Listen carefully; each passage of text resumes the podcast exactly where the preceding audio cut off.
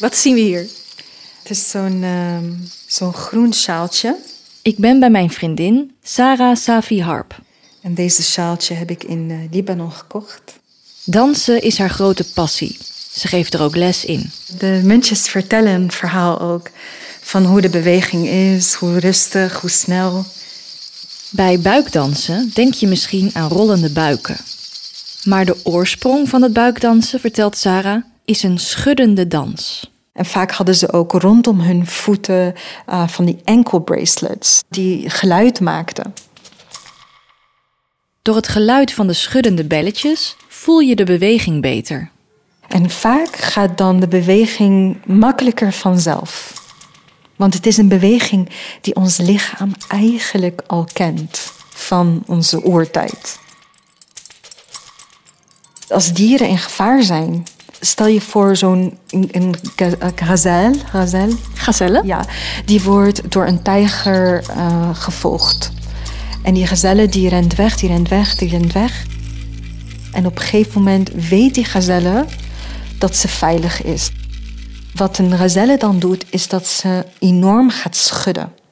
Een soort van traumaverwerking. Wat daar heel gezond eigenlijk zou zijn als mensen, als wij weer zouden doen wat dieren doen, en dat is schudden. Ook Sarah heeft veel onveiligheid gekend in haar leven. Ja. En ook zij kent de klachten die naar boven komen op het moment dat je eindelijk wel veilig bent. Het is eigenlijk pas wanneer er rust komt dat de klap komt. En die klap na het gevaar, die kan hard zijn. Zoiets los je niet op door alleen maar wat te dansen en te schudden. Alle onderdelen zijn onmisbaar: de dokter, de psycholoog, uh, actie en schudden. Heinz, een groot dansliefhebber, zou zich later in zijn leven omringen met magische schuddende voorwerpen. Rammelaars die kwade geesten op afstand kunnen houden.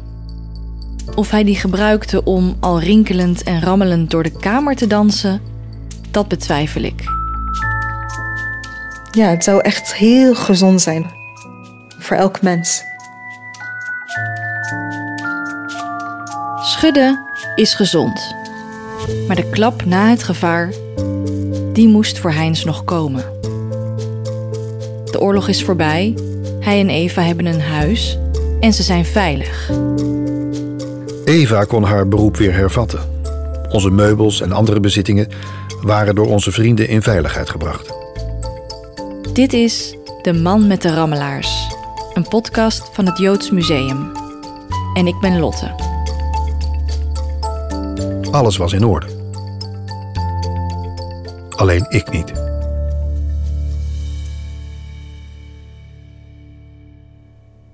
Kwam wonen was een, was een onderduikplek geweest. En er bleken allemaal schuilplaatsen te zijn. Mirjam vertelt me dat Heinz na de oorlog ging wonen aan de Prinsengracht in Amsterdam. Dus toen hij daar kwam wonen, ging hij al die oude schuilplekken weer ontmantelen. Een gewoon huis zonder schuilplaatsen. De oorlog was voorbij. Maar er begon iets anders, schrijft Heinz. Hij probeert weer aan het werk te gaan. Ze proberen hun leven op te pakken en het lukt hem niet. Hij, hij is verlamd. De ouders van Heinz hebben de oorlog overleefd. En ook broer Alfred en zijn vriendin leven nog. De ouders van Eva wilden niemand in gevaar brengen en besloten dus niet onder te duiken. Zij gingen de weg van de anderen, schrijft Heinz in zijn tekst. Zijn manier om te zeggen dat ze gedeporteerd en vermoord werden, net als meer dan honderdduizend andere Joden in Nederland. Ook familie en vrienden in Duitsland, lievelingsoom Ben, ex-vriendinnetje Keten, oom Georg en tante Rosalie, gingen de weg van de anderen. En Heinz en Eva hebben vijf jaar in doodsangst geleefd. Dat laat sporen na. Hij heeft last van angsten, ook fysieke hartritmestoornissen, dus eigenlijk allemaal aandoeningen uh, als gevolg van die jarenlange vlucht die eigenlijk bij hem al in 33 begon. Eind juni waren we naar Amsterdam teruggekeerd, maar het zou nog ongeveer twee jaar duren voordat ik weer actief werd. In de rest van 1945 gebeurde er niets. In 1946 gebeurde er niets. Ofwel, er gebeurde toch iets. Eva wilde een baby. Eva eiste een baby. Eva dreigde. In 1947 was Eva zwanger. De zwangerschap klinkt in deze tekst niet echt als een blijde boodschap. Hij is niet in orde. Hij voelt zich geestelijk niet in orde. En zij is blij. Hij weet niet wat hij moet. En dan is er nog iets opvallends aan de tekst. Een stukje verderop vertelt Heinz namelijk dat Eva dit hele document voor hem uittypt.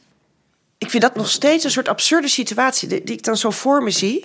Uh, ja, dat hij dus dan dat verhaal en zij zit te typen. En dan kan ik zo voor, dan zit zijn vrouw naast hem en die schrijft dus allemaal dingen uit zijn mond op. Het is toch bijna een surrealistische situatie moet dat zijn. Eva werd steeds voller en ik steeds leger. Hij voelde zich niet bij machten voor het vaderschap. En dan loopt hij op een dag door Amsterdam, komt hij langs een uh, antiquair en dan ziet hij een piepklein, zo'n miniatuur zilveren rammelaartje. En hij omschrijft het uh, als snoezig. En hij koopt dat voor Eva en hun ongeboren kind.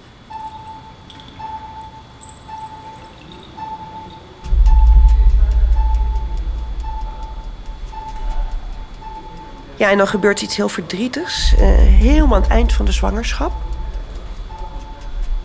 September 47. Boerhavenkliniek. Huisarts, chefarts kliniek, gynaecoloog. De huidige professor Platen. Het was een jongen. Hij was dood. Bloed, bloedtransfusie, nog meer, nog meer. Koorts, hogere koorts. In de loop der jaren heeft Eva dat bloed vele malen aan het Rode Kruis teruggegeven.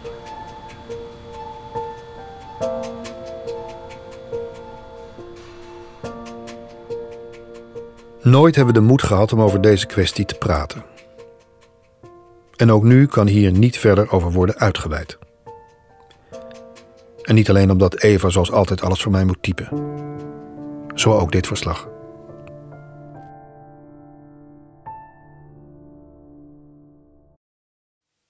In het jaar van de miskraam pakt Heinz de trein naar Hannover. Hij schrijft niet waarom hij naar Hannover gaat, of hij een speciaal doel heeft.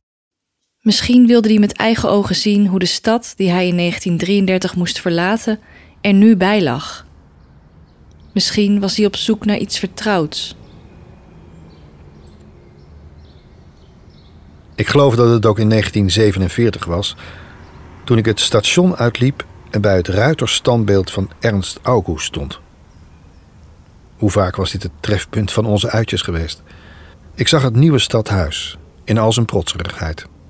In mijn vroegere Hannover lagen daar nog kilometers hoogbouw tussen. Maar nu was het stadscentrum een ruïneveld. Later zag ik natuurlijk dat het in andere wijken niet anders was. Heinz gaat naar het secretariaat van de Joodse gemeente, op zoek naar namen van oude vrienden.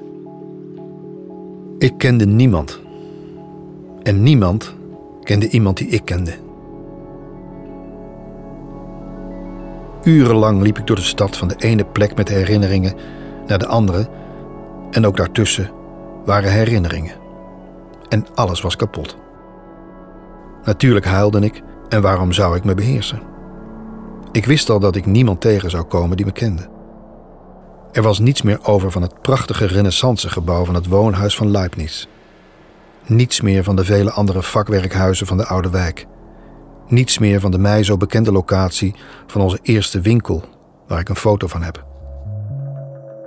Maar dan, na alles dat was weggevaagd, ziet hij ineens het vertrouwde gebouw van Braunsberg, zijn oude werkgever. Twee derde van het gebouw van de oude firma. Het stond er nog. Hij gaat naar binnen en tot zijn grote verbazing treft hij een medewerker die hij nog kent. Plotseling was ik rijk. Vooralsnog bestond de rijkdom uit adressen.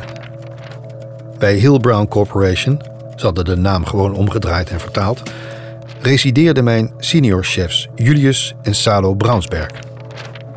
Bij Hill Brown Londen de zoons van Julius, Jozef en Hans. Het was ongelooflijk. Het was onbegrijpelijk. En dan zegt de medewerker ineens: Was u het niet? Diegene die met Deborah F. bevriend was? Die woont daar en daar, vlak bij mij. Wat moet die man wel niet gedacht hebben? Pas later in de taxi realiseerde ik me dat ik zonder te groeten was weggerend en in de taxi was gesprongen. Deborah is het vriendinnetje uit zijn jeugd waar Heinz al eerder over schreef, helemaal aan het begin van het document. Hij beschreef hun verkering als een levende scène uit een operette. Toen waren ze tieners. Nu is Heinz 36. Deborah is getrouwd en ze vertelt dat ze in het kamp gezeten heeft. Haar man is dood. We waren alleen. En dat heel lang. Ik vermoedde alles en zij wist wat ik vermoedde. Oh, hoe langzaam leek de tijd te gaan. Maar ik kon toch niet wegrennen. Alles ging zo normaal. Maar natuurlijk was alles zo abnormaal. We beloofden elkaar nooit meer de moeite te doen om elkaar weer te zien. Ja, je ziet je jeugdliefde terug en die is ook kapot. Ik denk dat het zo'n vreselijke spiegel voor hem was om, om te zien hoe zij eraan toe was. Uh, ik denk dat ook het eerste was die hij echt gesproken heeft, die het concentratiekamp heeft overleefd. Want de rest heeft het natuurlijk helemaal niet overleefd.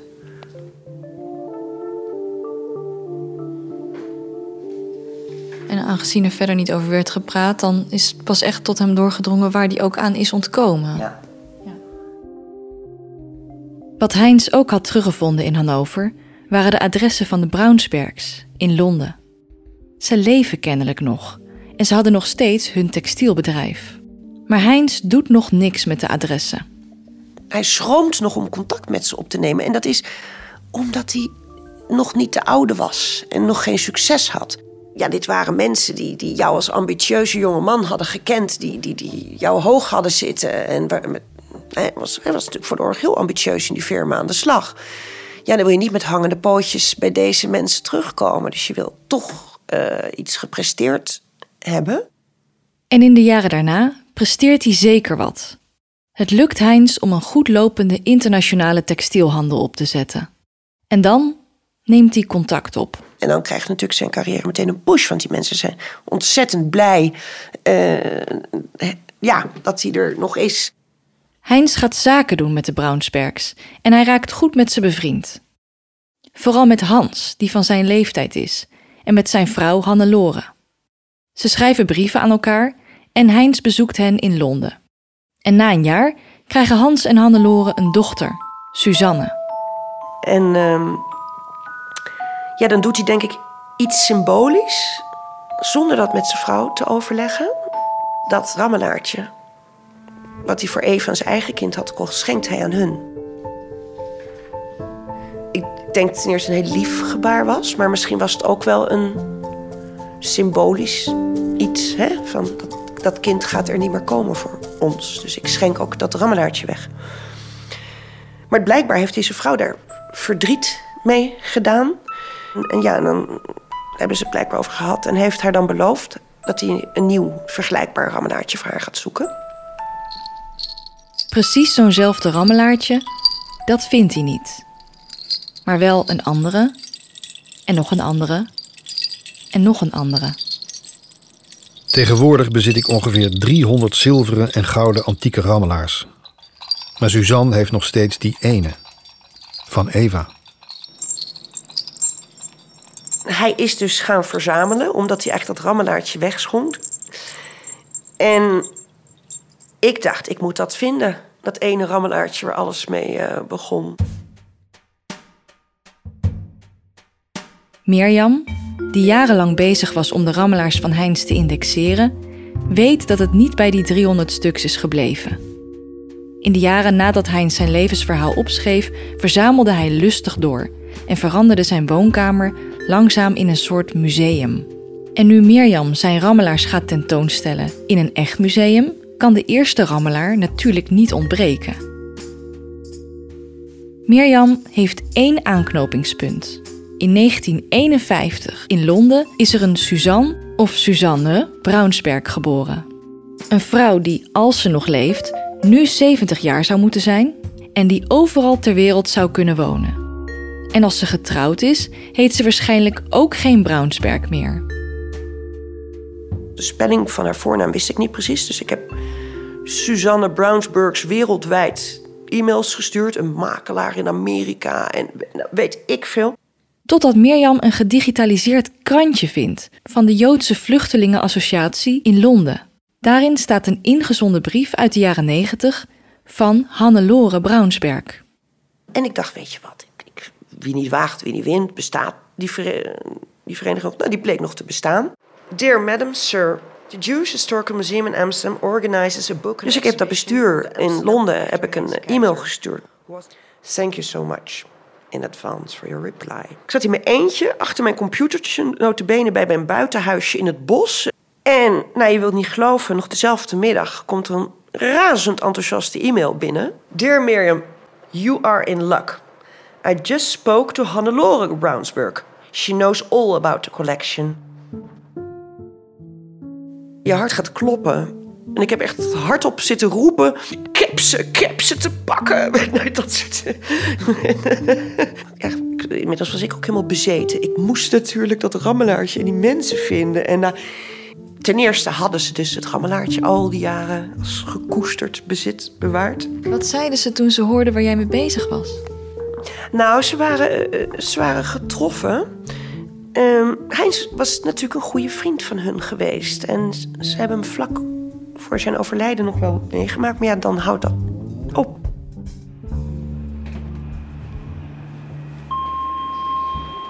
Suzanne heeft het rammelaartje inmiddels aan het museum in Bruikleen gegeven. Maar door de lockdowns heeft Mirjam haar en haar moeder nog niet kunnen ontmoeten.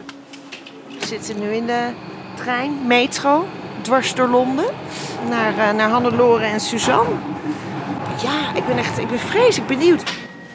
Hannelore, weten we inmiddels, is 97 jaar oud. Ik heb volgens mij nog nooit iemand van die leeftijd ontmoet. Ik durfde haar ook niet naar haar leeftijd natuurlijk te vragen. Maar ik was helemaal verbaasd dat ze nog leefde. Ik, had die ik was op zoek naar die dochter. Ik ging er geen eens vanuit dat Hannelore er nog zou zijn.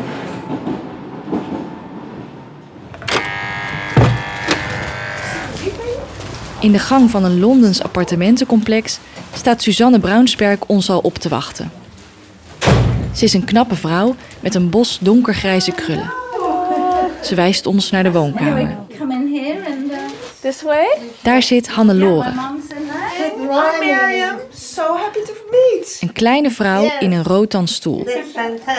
We krijgen tea en biscuits en het gesprek gaat al snel over de eerste rammelaar. I have a little cupboard at home with um. That's where I keep it. I mean, I occasionally take it out to show, to tell the story to my friends and my grandchildren. Of course, love to hear about it. Mirjam en ik hebben veel vragen voor Hannelore en Suzanne. Wat voor man was Heinz volgens hen? Wat voor dingen deden ze als hij hun gezin bezocht? En toen Hannelore het rammelaartje ontving, wist ze toen dat het oorspronkelijk voor zijn eigen kind bedoeld was. Maar Hannelore heeft ook een heleboel vragen voor ons. I'm not sure what was happening to him in, in, in Holland then. Yes. How did they manage to hide during that Nazi time? Ik ben een beetje verbaasd. He was already being chased in Hanover in 30 Ik verwachtte dat Hannelore, als goede vriendin van Heinz, zijn geschiedenis wel zou kennen. And they got arrested before. Maar het is Mirjam die alles aan haar moet vertellen. That must have been very traumatic and very risky.